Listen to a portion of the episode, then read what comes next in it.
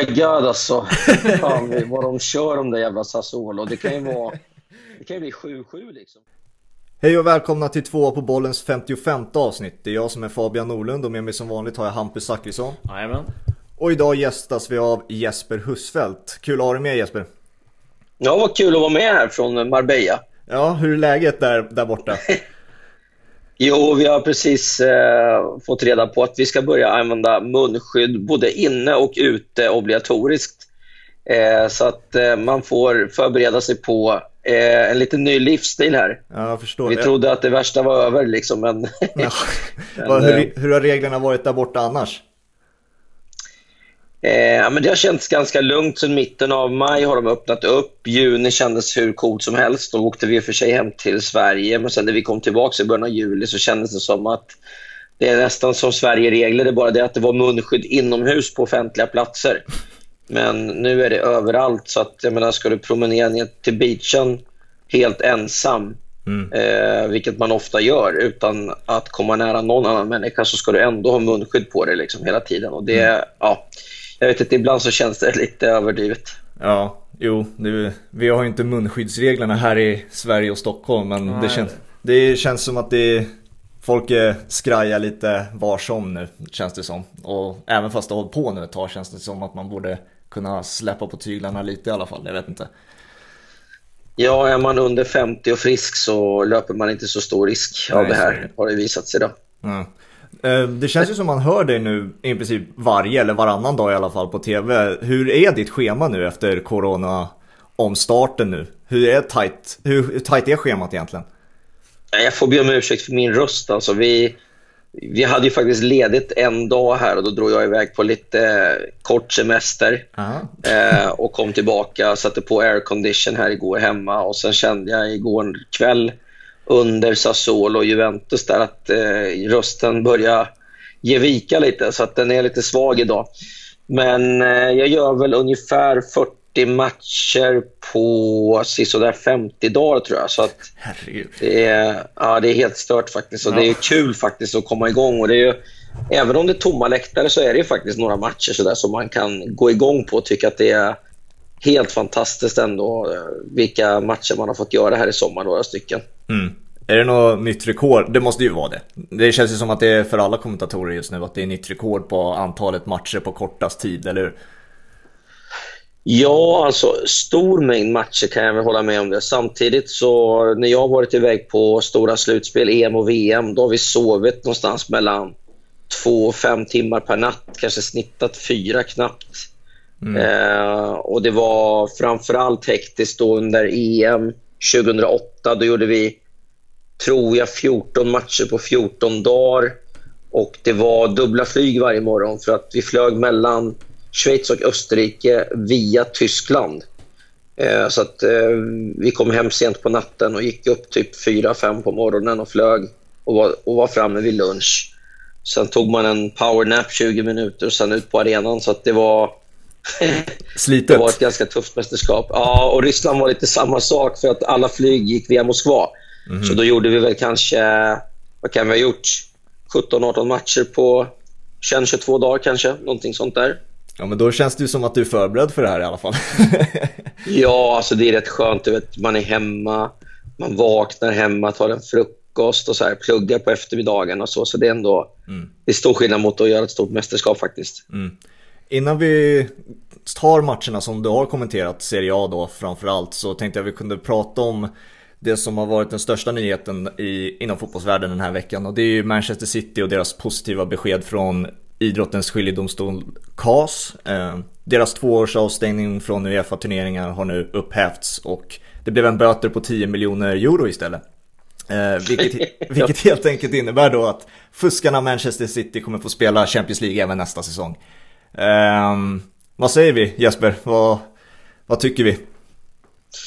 Ja, men till, till en början så ska jag säga att jag som barnsben har hållit på Manchester City och eh, jag tyckte att det var ganska charmigt att hålla på ett lag som åkte jojo mellan första och tredje serien och ibland någon gång var tredje år kunde slå ett topplag. Något sånt där. Då. Eh, sen har det varit ett helt annat City de sista 10-12 åren. Eh, men eh, just City-situationen är jag för dåligt påläst på. Däremot så eh, vet jag ju att de här reglerna tror jag med Financial Fair Play plockades fram till en början för att det var många klubbar som hade eh, en e-, ekonomi som var lite på gränsen för vad som var okej. Okay. Och eh, för att kunna ha en säker buffert i alla klubbar så plockades FFP fram. Sen tycker jag mer och mer över tid att Financial Fair Play har blivit som en eh, försäkring för stora klubbar för att eh, behålla sin makt där ute i Europa. Och jag tror att Uefa liksom måste falla de här stora klubbarna till föga, känner de. För att annars kanske de bildar en egen superliga. Och då är ju Manchester City en sån klubb som är en uppstickarklubb som har utnyttjat säkert lite kryphål juridiskt för att ta sig närmare de här stora klubbarna som redan har cementerat sin plats, som har gamla fina pengar då. Och eh, jag tror även att klubbar som Paris Saint-Germain, kanske numera Newcastle, vi får se, men flera andra klubbar som vill vara med och tävla på samma villkor som andra stora klubbar behöver hitta kryphål i FFP. Och det antar jag att det är det som City har gjort. Uh, sen kan jag väl tycka att personligen att det är häftigt att det kan finnas uppstickarklubbar som kan utmana de stora. Eh, och det stora motståndet då kommer ju från klubbar som Bayern München med gamla pengar eller Real Madrid, Barcelona, Juventus med flera. Eh, de vill ju spela kvartsfinal såklart i Champions League varje år. Eh, och ja, Det finns så många olika infallsvinklar på den här frågan. Så att just specifika frågan om Manchester City vet jag inte, men jag är i alla fall själv glad att det finns en rullians på klubbar som kan utmana de stora där uppe. Det är, inte, det är inte många gånger de senaste dagarna man har hållit med Mourinho gärna sagt men själv tycker jag att han sa det väldigt bra. Eh, det känns ju väldigt märkligt att de friades. Eh, samtidigt har ju City hela vägen varit väldigt säkra på att de ska frias. Eh, så att eh, de måste ha någon super, superadvokat där. Mm. Ja, det, exakt. Jag tror faktiskt ofta att det blir en det blir en juridisk strid där de som har bästa upplägget rent juridiskt ofta vinner de här bataljerna. Sen är väl känslan alltid, även om det är City eller om det är andra klubbar, att eh, de här överklagandena brukar ju ofta gå igenom så att Eh, ofta kommer den först en hård dom och sen så släpps det upp. Och Jag tror faktiskt att det finns fler klubbar, såsom Milan, som har befunnit sig i en jävligt grå zon och som kanske borde ha fått mycket hårdare straff, men som också har fått klara sig vidare. Mm. Och Alla klubbar känns det som där uppe. De har ju något skit på sig. Det är alltid någonting. Det är någon som säljer en träningsanläggning i Real Madrid och sen helt plötsligt så har man liksom tre miljarder in. Mm. Eh, vad är okej liksom, och vad är gråzon? Och vad bör man slå ner på? Det är jättesvårt.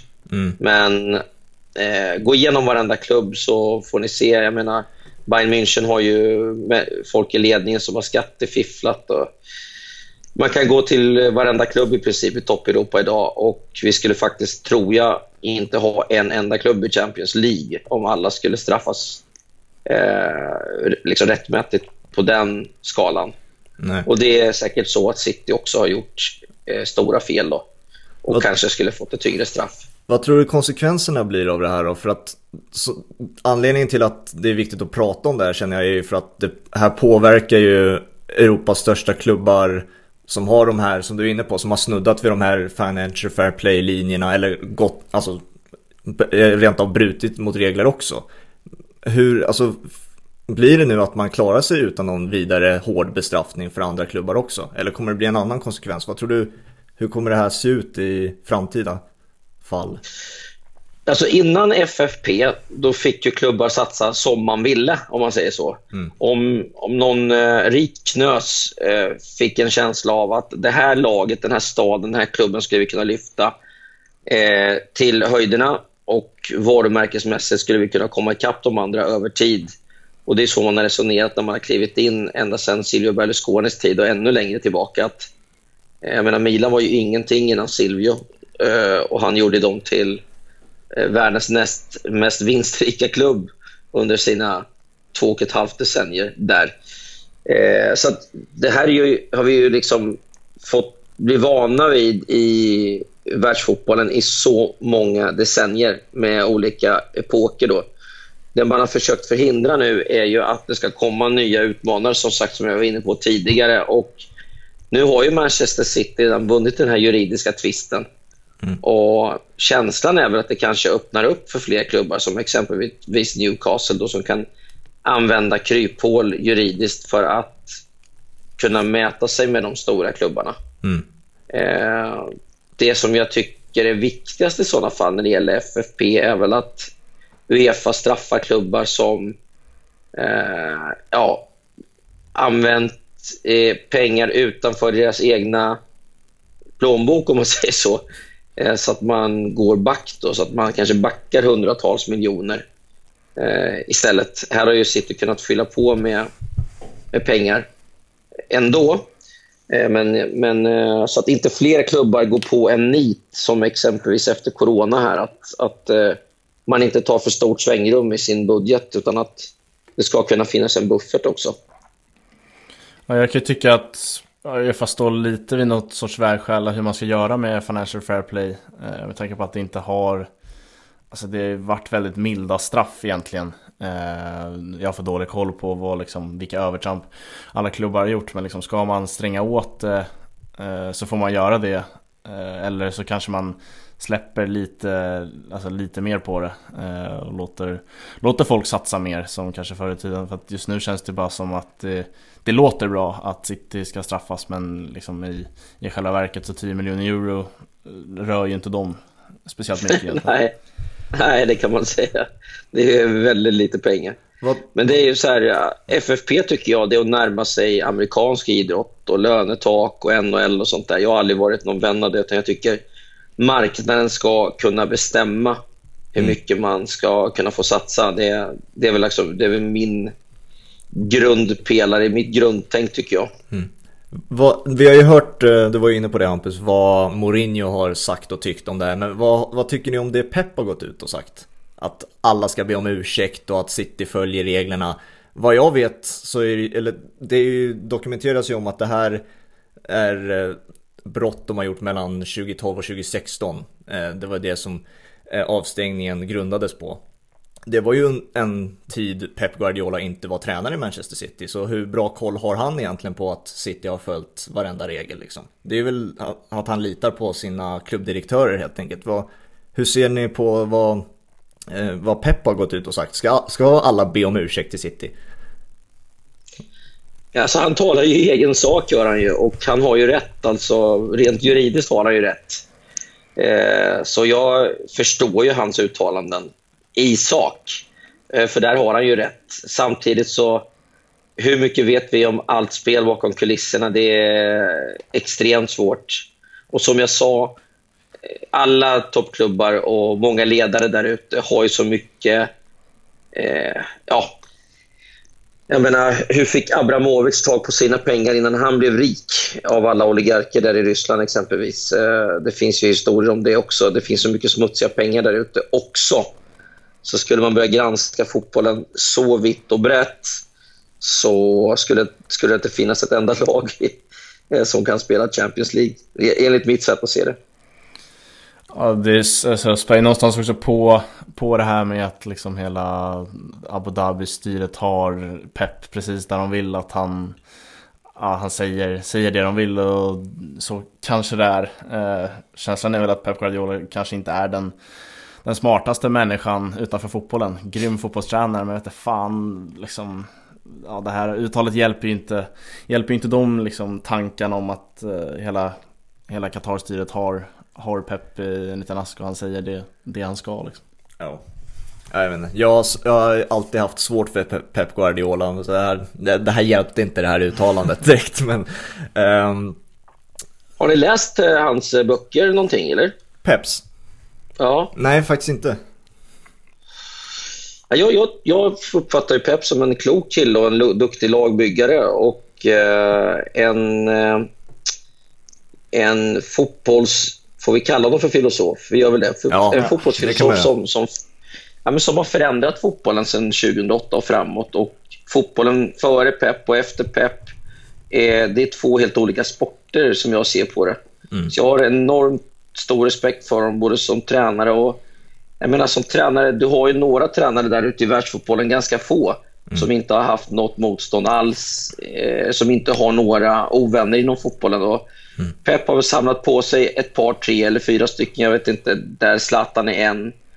Eh, men jag tycker han har visat efteråt, eh, Pep här också, eh, att han har varit skicklig på att bygga lag och det har inte varit så mycket kontroverser och tvister runt just han och hans person, tycker jag. Mm. Så jag, jag gillar honom både som, som tränare och som, som filosof, som människa. ja, du, jag håller med det här med filosof och fotbollstränandet. Det, är liksom, det säger ju även Zlatan, att han är ju fantastisk på att vara... Alltså, fotbollstränare, det, det kan han. Han är grym på det. Antagligen världens bästa på det. Om, eh, tillsammans med Klopp just nu. Det är väl mm. problemet jag har, det du är inne på med twister med andra spelare utöver Zlatan. Så vad jag kommer att tänka på är väl Samuel Eto'o, Joe Hart, Yahya Touré. Eh, bara, vad jag kommer på poppar upp i huvudet just nu. Och så har jag alltid den här uppfattningen av att det är, det är en show. Alla hans tecken med fingrar och han skriker och han skriker på Sterling efter en fa Cup-titel att du borde ha gjort fyra mål istället för tre eller vad det var. Det är det här liksom att det är mycket show för kameran och sånt där. Som det är med andra tränare också för den delen. Men det är väl det jag har haft lite svårt för med Pep. Det är bara en personlig grej. Alltså fotbollstränandet, det är, det är inget snack. Han är ju världsbäst liksom när det kommer till det. Jag, jag tycker det är intressant att du nämner Joe Hart och Yahya Touré. Joe Hart var för dålig helt enkelt och det, han har ju fått visa det, Pep, att han värvade in en världsmålvakt, Ederson, från Benfica som var helt rätt val för honom och Manchester City. Och Det var egentligen en taktisk fråga. Eh, Joe Hart fick lämna med svansen mellan benen och sen inte riktigt kunnat bygga vidare på sin karriär. Och Yahya Touré såg jag ju i matcher mot slutet i Manchester City. Hur han knappt orkade ta ett kliv i pressspelet. Mm. Han var väl 35-36 år och extremt besviken på att han inte fick spela i det där stjärnspäckade laget. Jag som såg i princip varenda match med City då undrar hur han ens kunde få en spelminut i det laget. Mm.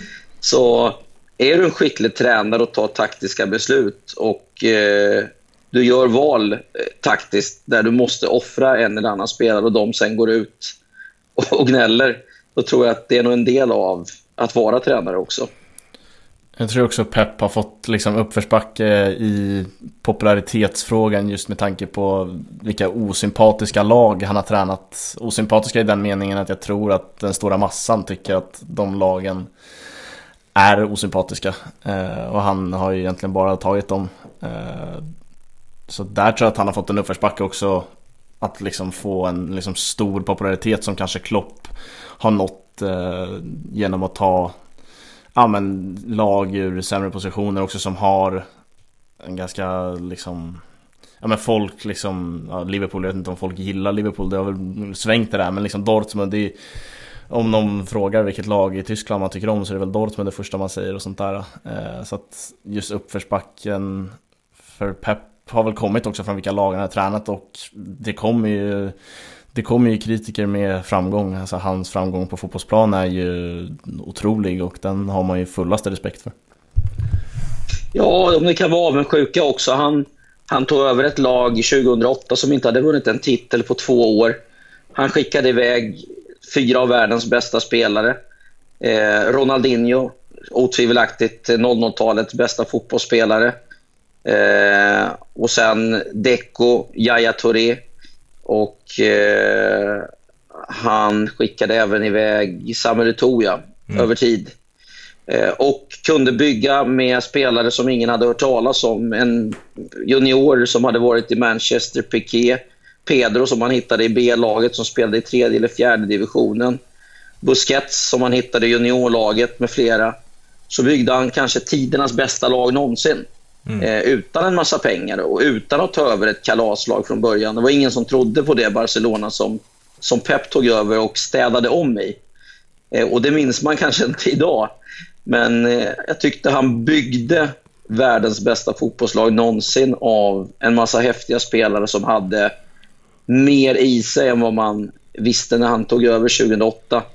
Iniesta var ju spelare på väg fram, men det var ju ingen världsstjärna långt därifrån. Och Xavi var ju en bra playmaker, men att han skulle bli utsedd till en av världens tre bästa spelare flera år i rad, det var nog ingen som trodde då. Nej. Det är ju väldigt talande också eh, att det blir pepp vi pratar om trots att det var, vi började med City och deras eh, ja. liksom, deras beslut med KAS och så vidare. Det, är liksom, det talar ju för sig själv att Pep är ju en profil utöver fotbollstränandet liksom, och det är en intressant diskussion att ha. Um, och det är ju som, det är som fotbollsspelare också. Det är, jag är ett stort fan av Cristiano Ronaldo men det är inte alla som är. Liksom. Det, den personligheten är inte alla som uppskattar. På samma sätt är det med Pep, med Fergie, med Klopp, med så många andra. Så ja. det, det är vad man föredrar helt enkelt. Ja, jag tänkte bara referera bara till eh, sympatiskt lag eller inte. Alltså, jag tycker, jag tycker Barca, det Barca, förutom filmningarna de åren, eh, eh, är så sympatiskt ett lag kan bli egentligen. Om man, säger, om man ser till den flärd och den typ av fotboll de spelade de åren så tycker jag det var jävligt häftigt att se 08 till 11 där. Ja, just det laget så liksom starkt rekommendera ja, Det är väl ISPN som har gjort Pass the ball, Take the ball Ja, Take the ball, Pass the ball, den är ah, exakt exakt, som ligger på Simor. Eh, den ska man ju se om man inte har sett den. Ja, och i den eh, dokumentären så får man ju se hur ungdomstränarna i La Masia också berättar att innan Pep så tog de inte in ungdomar om de inte, hade, om de inte var 1,80 eller över. Eh, den där skylten plockar de ju ner under den perioden. Och nu beskriver ju La Masia, tränarna, vilken fördel det är att vara liten som fotbollsspelare. No. Eh, hade man sagt det för 15 år sedan så hade väl ingen gått med på det riktigt. Men hela världen har ju vänts upp och ner med Peps fotboll på något vis. Jag vill bara se tacklingar. Jag gillar när Scott Stevens kommer in på öppen is och så får jag trycka till så det blir kurr, kurr, kurr. Vi eh, släpper pepp och går vidare till eh, Serie A. det vart lite mycket pepp där ett tag. Jag förstår det. Eh, men Serie A har ju både för mig och Fabian aldrig varit ligan man prioriterat som etta egentligen. Eh, men i alla fall jag fick upp ett mycket större intresse för ligan. Dels med Zlatans intåg men också Club Calcio som du var med och drog igång. Hur, hur kom den idén? Just det, vi hade ju ett Serie A-freak som fotbollschef på den tiden, Emir Osman Begovic. Och, eh, det var ju faktiskt så att Emir ville satsa på Serie A långt innan Zlatan blev klar. Och nu hade vi en fotbollsrättighet, nu hade vi en liga. Nu drar vi igång studion, nu kör vi. Och då var det ju så att säga jag som var vad ska säga, den som hade jobbat mycket med Serie A i många år. Så att, ganska självskriven på att få vara programledare. Eh, Emmy plockade sen in Marcus Birro och jag eh, fick tjata in Martin Åslund. Sen tyckte väl både jag och Emmy att Simon Bank var ett bra namn från början. Så det var vi som startade med Club Calcio. Eh, över tid sen så flöt Simon Bank iväg ner till Fotbollskanalen Europa samtidigt som vi kastade in eh, gamle eh, Thomas Nordahl vid något och ett par tillfällen. Och han fick ju sin plats tillbaka där i Serie A-fotbollen, vilket var jävligt kul. Och det var tre stora personligheter att jobba med. De här tre sista här med Birro, Nordahl och Åslund. Ganska yviga herrar, minst sagt. Så det var inte lätt att få grepp på de där redaktionsmötena kan jag säga innan sändningarna. Men sen var det bara att få dem att blomstra och få vara sig själva fullt ut i sändningen och det tycker jag de fick vara. Det var högt i tak. De hade helt olika infallsvinklar på ämnen och eh, allt släpptes fritt i den här studion. Och det blev det blir ganska roliga samtal faktiskt. Ja, har du något favoritögonblick från, från något samtal som du kommer ihåg sådär extra?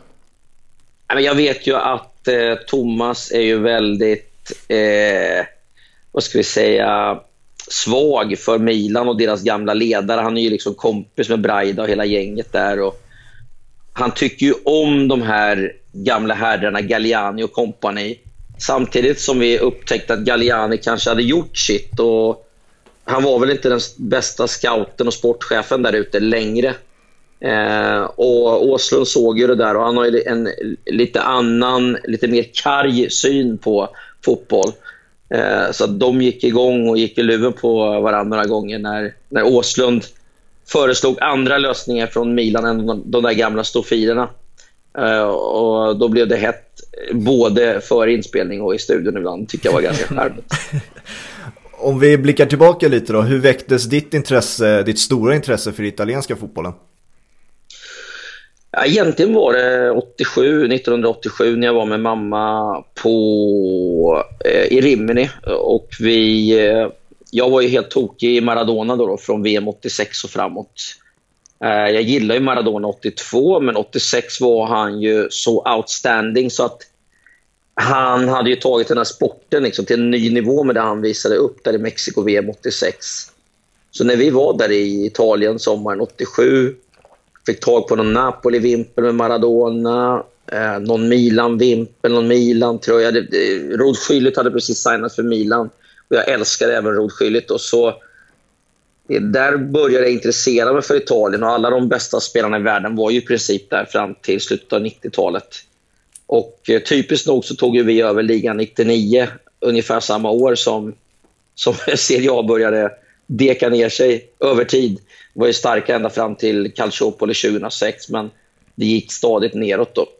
Men sen flyttade jag till Italien, bodde i Florens ett par år och jag tog över ligan som kommentator 99. Började göra den lite till min då på min arbetsplats då på Kanal Plus på den tiden. Och sen, sen har jag hängt i. Jag älskar ju landet Italien också. Det är, det är så mycket runt omkring själva fotbollen som, som har fastnat. Och Sen har jag accepterat att den inte är världens rikaste liga. Eh, men att det finns andra saker man kan plocka fram som känns mer äkta då i Italien tycker jag än i andra ligor. Ja, när man pratar om italiensk fotboll så går det inte att komma ifrån att de spelar en egen liga när det kommer till matchtröjor. Har du någon egen personlig favorit? Oj, oj, oj. Det finns så många faktiskt. Man säger ju ofta att Sampdorias är den vackraste sammanslagningen av Andrea Doria och Sampier Darenese från 1946. då de blåvita Andrea Doria-färgerna. De rödsvarta från Sampier Darenese.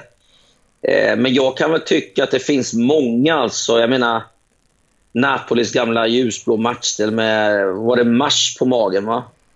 Eh, Romas, eh, alla tycker jag, både hemma och borta ställ, de vita och svarta och de orangea. Ja, de, man kan ju hålla på hur länge som helst. Jag är ju en stor fan av både Milan, Inter, Torino, jag har väl kanske inget spe specifikt. Det jag skulle vilja uttrycka är att jag tycker att Inter har hittat en blå färg i sitt svarta ställ den här säsongen.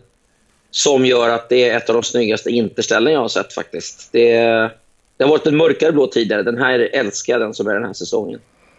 Ja, den är ju estetiskt väldigt vacker. Den italienska ligan, både Serie A och Serie B och säkert längre ner i seriesystemen. Ja, det finns alltid någon lite halvtjock nummer 10 i Serie C som står och petar in frisparkar på samma manér som Totti. Så att, eh, gå gärna ner och kolla Serie C-fotboll. Det är underhållande. All, alla har långt hår, vaxade ben och alldeles för blött, hår och det älskar man ju. Ja, men jag tänker också att vi behöver, vi behöver prata uttal när vi ändå har dig Husfeldt här. Eh, själv ska jag säga att jag är ändå hyfsad på att uttala fotbollsspelares namn. Fabian dock urusel. Tack. Eh, hur, mycket, hur mycket tid lägger du på att plugga in uttal?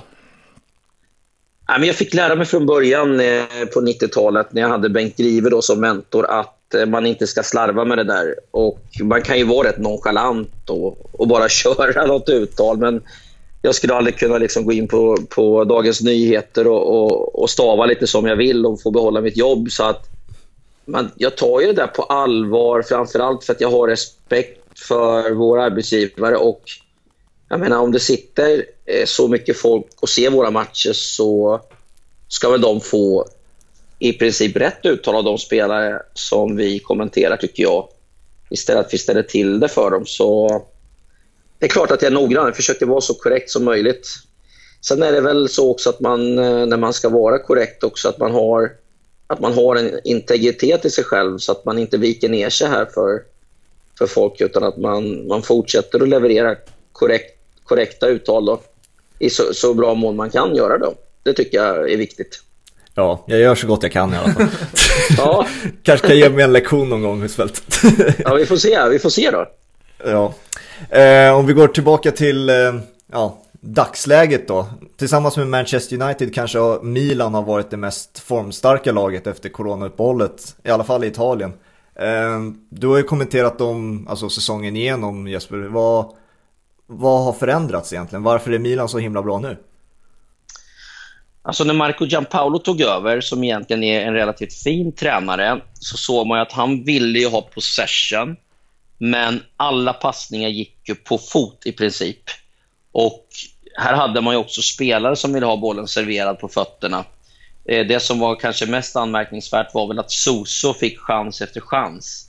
Trots att han tappade all typ av självförtroende och hans steg bara blev kortare och kortare. Mm. Så att, försvarsmässigt tycker jag Milan både har haft organisation och spelare som har skött det bra hela säsongen. Men Milan kunde ju spela som det såg ut tre, fyra, fem matcher i rad utan att skapa en målchans mm. på grund av att de var så förutsägbara. Eh, sen var det väl få som kunde se att Stefano Pioli skulle kunna göra en så stor förändring. Eh, han kallar sig själv för the normal one. Alltså han driver lite med sig själv att eh, han, jag är som alla andra. Och eh, Han kan ju anpassa sin taktik efter laget i princip. Men det han har gjort är att han, han har flyttat upp försvarsspelet ytterligare tycker jag.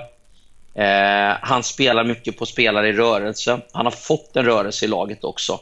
Så spelare som Castillejo exempelvis har varit jävligt nyttiga. Rebic och kompani som rör om lite med positionsbyten och spelare som kan ta boll på yta och så. Så att det, den stora, stora förändringen är ju rörelsen där ute och att man, man hittar varandra och springer rätt också. Ja, jag kommer att tänka på när du sa Soso. Han startade ju där Zlatan kom tillbaka. Och det var ju bland de mest hopplösa insatserna man har sett. Matchen... Det kan ha varit den sämsta matchen någonsin har kommenterat i ja, Serie A när Milan mötte Sampdoria där. Ja. Eh, ja, det var hemskt. Och Mila, och TV4 skulle slå på stora trumman och sända ut det där i stora fyran. eh, och jag och Concha satt i, efter 40 minuter och tittade på varandra och bara så här, vad fan är det här? Ja, det var en tuff match att se. Ja, Men, det var hemskt alltså. Hur ser du på Ralf Ragnik-ryktena då? Hur kommer, det kommer väl påverka harmonin? Och vi har ju en Zlatan där som inte hör hemma i ett Ralf Ragnik-bygge, känns det ju som i alla fall. Ja, men Elliot Group eh, är ju inte egentligen någon eh, fotbollsägargrupp utan de har ju fått den här klubben i knät. Och De måste ju lita på folk runt omkring sig. Och När man gör en rekryteringsprocess, tror jag, som en stor amerikansk ägare så kanske man, man skiter väl i nationaliteter, kulturer etc. Utan man plockar in bästa människorna på, bäst, på, liksom på rätt post. Så amerikanska ägare, någon tysk nu som har byggt liksom ett fotbollskonsortium under Red Bulls ägande ser väl jävligt bra ut rent affärsmässigt. Men då glömmer man, tror jag, hela det här med Milans historia, den italienska kulturen, feelingen uppe på Milanello. Så det känns som att det är en jättekrock på gång. Sen kan ju den där krocken bli bra för att man får in liksom nya perspektiv från Tyskland genom Rangnick.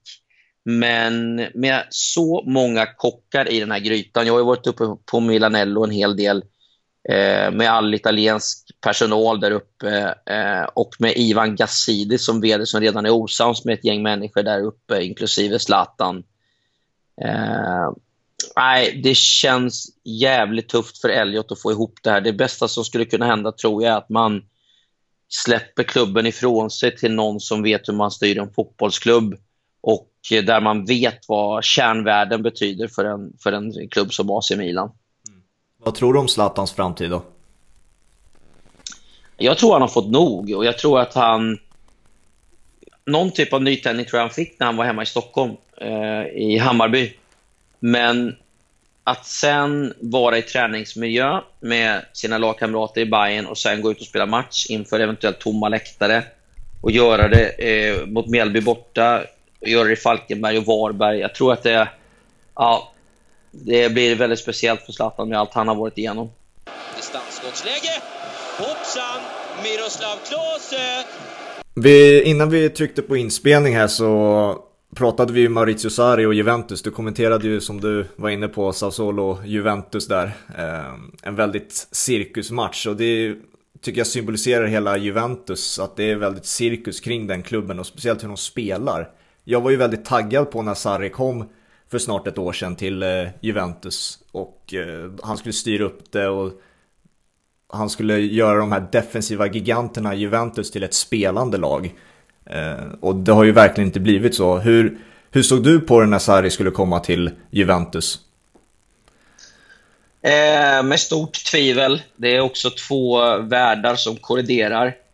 Det har ju varit en klubb som förknippas med mycket stil, där kanske Marcello Lippi är urtypen för hur en stilig tränare för sig på en tränarbänk. Dessutom har man ju haft något test tidigare med eh, en tränare tidigt 90-tal som skulle börja skärma hela fotbollsitalien med vacker klack och tunnelfotboll eller snabbt passningsspel. Eh, det föll inte så väl ut. Juventus har alltid handlat om eh, det som är viktigast inom fotbollen, att vinna matcher. Eh, skitsamma hur det ser ut.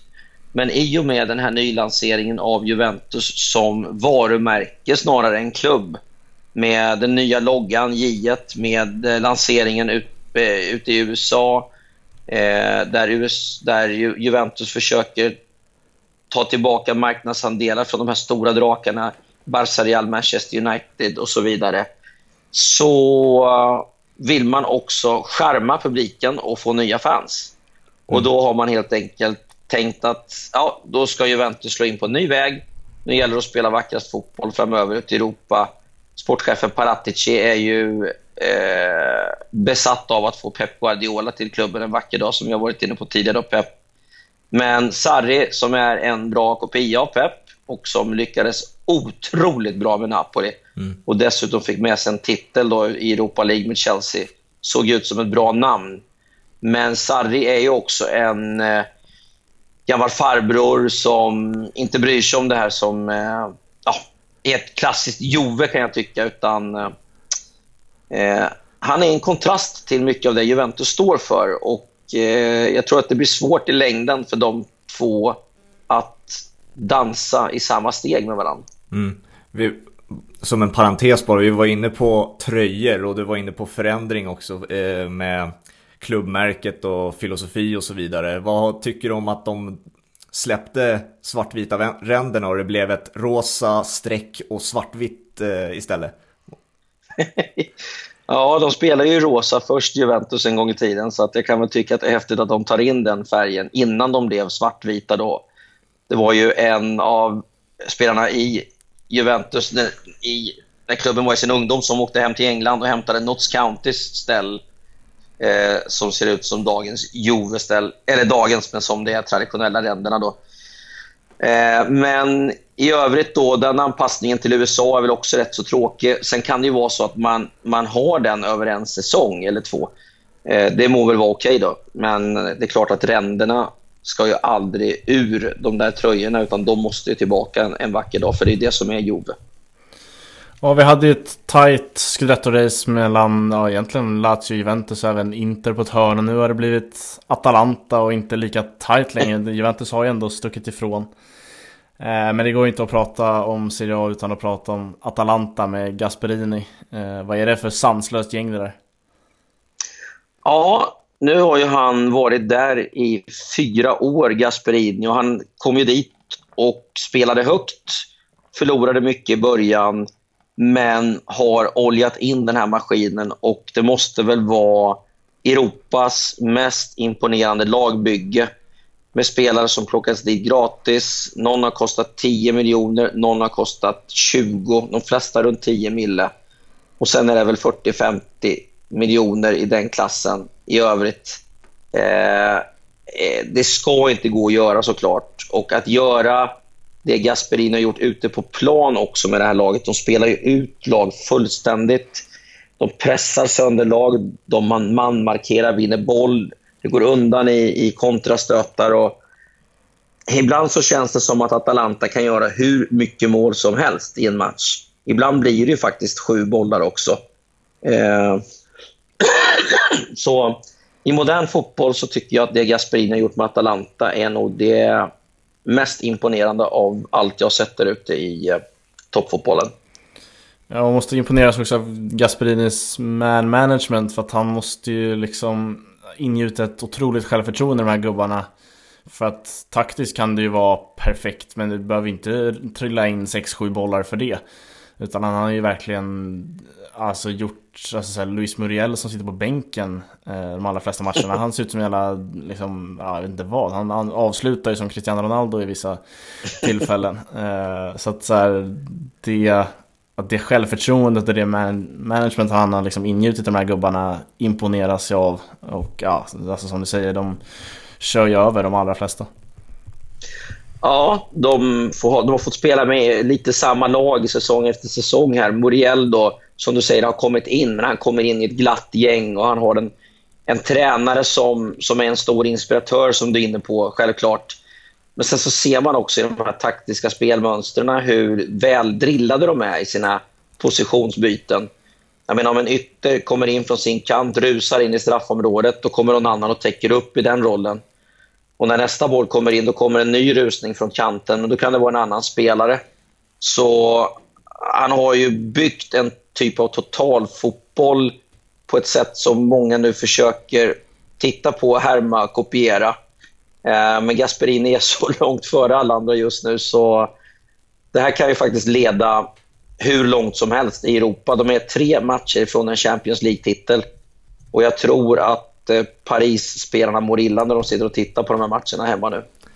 Så vad, om du skulle tippa då Champions League, eh, Atalanta och Ju Juve, hur, skulle, hur går det för dem? Ja, Juventus tycker jag har fått lite för tuff lottning och ser lite för svaga ut i defen. Men Atalanta har alla chanser i världen, tycker jag, att gå till final som det ser ut. Det är trots allt bara två vinster mot ett machotränat Paris mm. och eh, mot eh, Leipzig, som jag tycker de borde slå, eller Atletico. Det tror jag blir den knepigaste matchen, Atletico, för det är ett lag som jag tror passar dem extremt illa. Men eh, Paris tycker jag, trots att de har alla pengar i världen, de här storstjärnorna, tycker de har väldigt, väldigt god chans att, att slå ut i kvarten. Om vi säger det då, att Atalanta vinner Champions League, vi är redan där. Och finns det inte en jättestor risk att eh, laget köps upp? Ja, man kan se det så lite grann. Eh, däremot om du tittar spelare för spelare så är det egentligen mest på mittfältet och möjligen, möjligen då Zapata som är intressant för lite större klubbar. Eh, Golini är väl en målvakt som, som inte gör laget men som skulle kunna flytta också. Men det är inga storstjärnor i backlinjen. Papu Gomes eh, och Ilicic är så gamla så att det är ingen av storklubbarna tror jag som, som behöver eh, röra de eh, som är över 32 båda. Eh, möjligen då att man ser att det finns lite Gåsens eller Kastanj eller så, Hattebor. Men jag tror också att det är spelare som Gasperini skulle kunna ersätta med ännu bättre spelare. Nu är ju Florenzi redan på väg in. Mm. Så jag ser ingen större risk egentligen för att Atalanta blir helt sönderköpt. Så då, då säger vi det då. Atalanta vinner Champions League och det blir, de hela laget stannar kvar. ja, ehm. herregud. Vilken saga. ja, eller hur. Eh, vi går över till, vi släpper Serie A och jag tänkte vi kunde diskutera lite den här nya podden eh, som eh, du är lite ansiktet ut för, Fotbollsnörd. Mm. Eh, både Kevin Bader och Frida Fagerlund som har varit och gästat den här podden är ju också med där, regelbundna namn i den podden. Vad, vad kan du säga om den podden och vart föddes idén från och vad är, vad är det för projekt egentligen? ja, det föddes lite i coronan. Vi hade för lite att göra så att eh, vi tänkte vi måste fan igång här nu när fotbollen kommer igång. Sen tar det så pass mycket tid och kraft och så, så att egentligen handlar det väl om ett experiment där vi hittar en form. Men om man har en, en fotbollspodd med många av de bästa experterna i olika respektive ligor och hittar rätt form för hur man ska kommunicera och rätt längd på programmet mm. så skulle jag vilja att den kommer ut jävligt ofta, flera gånger i veckan så att man liksom kan få en uppdatering lite grann på det som händer där ute i Europa. Man behöver kanske inte läsa så mycket eller engagera sig på ett annat sätt utan man, man kan slå sig ner i bilen eller på tunnelbanan eller på bussen eller på cykeln eller ute och går eller vad som helst och, och bara få en liten skön recap några gånger i veckan. Mm. Det tycker jag är målet med Fotbollsnörd. Sen kommer det ta lite tid att hitta exakt rätt form för hur vi ska presentera det där. Men ge oss tre, eller sex eller tolv månader så tror jag att det är brutalt bra. Det hoppas jag i alla fall. Ja, vi får önska er lycka till med det då. Stort tack. Ett annat projekt som du var en del av var ju Superlive och det är nog att jag saknar ändå. Framförallt eftersom det var under Europa League-kvällarna när det, när det är 7000 matcher samtidigt. Eh, jag tänker att det kan inte varit helt dumt att sitta och snacka fotboll i Superlive och kommentera lite highlights. Eh, jag kommer inte riktigt ihåg när, när det lades ner och varf, varför blev det så? Just det, vi blev av med rättigheterna så att eh, det gick vidare till Discovery och eh, därmed dog Superlive. Eh, det var ganska kul sådär. Ekvall var ju programledare i början och det gav inte oss så stort ansvar utan vi kunde mest sitta och softa och det käkades kebab och det var både högt och det var lågt där ett tag. Och Komark var ute på toan minns jag. Det, det var väl något han bjöd på där ute från toaletten också, minns jag, som, som eh, droppades igenom ljudmässigt också. Nej, men det var ju det var ju kul på sitt sätt. Eh, jag tyckte det var fruktansvärt tufft att hålla energin uppe när man var programledare i fem och en halv timme. Eh, och pumpa de här tre då, som vi brukar ha som gäster på frågor. Och, och, och fortsätta vara intressant över så lång tid. Det tyckte jag. Jag var helt slut när jag kom hem, kommer jag ihåg. Men jag är glad att höra att ni tyckte att det var kul och att ni uppskattade konceptet i alla fall. Ja, men det framförallt just att det var både högt och lågt. Det var liksom expertanalyser liksom, analyser så, men sen var det också Olof Lund som tyckte att en kebab var riktigt dålig liksom. Så att, eh... ja, han såg en annan kebab där. Ja, men just under Europa League-kvällarna, det är ju så mycket matcher och det är så mycket märkliga lag egentligen som är med i den där turneringen. Så att, nej, jag, jag gillade det och uppskattade det. ja, det kan man säga. Det kan man säga. Eh, du har ju också ett stort intresse för paddel. Eh, jag tänker att vi kan snacka om en sport som jag verkligen tagit till mig. Hur, ja, hur upptäckte du den och varför blev du så kär i den? Ja, det är nu är det åtta år sedan då jag blev introducerad av Johannes Tomhave, en kompis som tog ut mig på Ekerö där de hade en bana, Jungfrusund. Där hade eh, Maria Capistrano satt upp en bana. Bara det var ju fantastiskt att få komma ut. Jag var ju tennisspelare som ung. Hade väl siktat in eh, målet på att vinna Wimbledon, men eh, där var man väl kanske inte så där jättenära någon gång. Eh, ens att komma in i huvudturneringen, om man säger så. så att, eh, här fick jag en chans på lite äldre dagar som farbror och hitta en sport som var, tycker jag, lättare att bli bra på snabbt. Och så kanske var ännu mer underhållande och kul än tennis. Och dessutom en lagsport. Så jag blev helt frälst i padel runt vad blir det nu 2012. Och sen så spelar ju väldigt mycket nu när vi bor nere i Spanien. Det är bara att kliva rakt ner på banan i princip. Så ja, det är min stora passion i livet på, på fritiden. Ja, du kanske skulle behövt ett wildcard likt det Goran Ivanisevic fick till Wimbledon. Ja, han gick ju hela vägen, men jag tror faktiskt att eh, man hade nog fan inte fått en boll i första rundan tyvärr, så det hade varit bortkastat. hur, hur vass är du på padel? Ja, men, man kan väl säga så här att Paddel är ju mycket beroende av vilka fyra man har, alltså vilka tre man har runt sig såklart. Eh, spelar jag med en bra spelare så kan vi spela på rätt så hög nivå.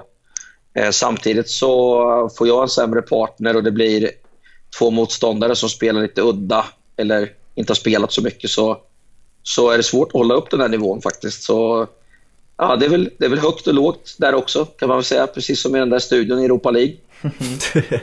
ja, nästa gång du är i Stockholm hade det varit kul att arrangera en match. Kanske det blir någonting. Det hade varit kul. Ja, man vet aldrig. Vad, hur ser, hur, vad tror du om att komma tillbaka till Sverige? Hur, hur, med corona tänker jag då. Hur, eh, finns det möjligheter att ta sig hem till Sverige överhuvudtaget? Eller? Ja, vi var hemma i juni i tre och en halv vecka. Det var, det var inga konstigheter faktiskt. Det går ganska bra att, att resa inom Europa okay. nu. Så det är ganska coolt. Och jag har kompisar som både kommer ner och som flyger hem och, och har sig och sådär. Så det, det funkar bra. Ja, någonting är lite så tillbaka som det ska vara i alla fall. I den här ja, skumma exakt. världen. Exakt. Jag tänker vi knyter ihop säcken där helt enkelt. Eh, du får eh, gärna berätta var vi kan hitta dig på sociala medier och så Jesper. Ja just det, Jesper Husfeldt heter jag där. Dyker upp lite på Instagram eh, och LinkedIn. Jag är väl ingen eh, superstar på, på sociala medier, men, nej, men de där två dyker jag upp på i alla fall. De mesta andra har jag faktiskt lagt ner. men eh, där kan man i alla fall få kontakt med mig eller kika lite vad jag håller på med. Mm. Ja, och sen ska man ju såklart lyssna in eran, eran podd där, Fotbollsnörd. Ja, det vore skitkul. Ja. Absolut. Vi behöver all feedback för att, för att bli riktigt jävla bra. Yes. Eh, vi, eh, vi finns på Instagram, Twitter, Facebook och det är under, under namnet Tvåbollen på Twitter och Instagram och Facebook Två på bollen. Så där tycker jag att ni lyssnare ska, ska följa oss, eh, ha lite roliga eh, quizzes och sånt där på fredagarna och eh, veckans mål och lite allt möjligt. Så att vi, vi kör på där. Följ oss där så har vi jävligt kul tillsammans. Där är ni starka. Yes. Stort tack eh, Jesper att du ville vara med. Ja, tack själva. Jättekul. Eh, får gärna Ja, gästa igen fort. när du har den tid, när, förhoppningsvis när du inte behöver kommentera 40 matcher på 50 dagar eller vad det var. Exakt, vi får se om det blir fler corona-utbrott där sen. Exakt. Eh, stort tack och för alla som har lyssnat också så hörs vi nästa vecka igen. Ja, fortsatt trevlig sommar. Yes, ha det så bra. Ciao. Ciao.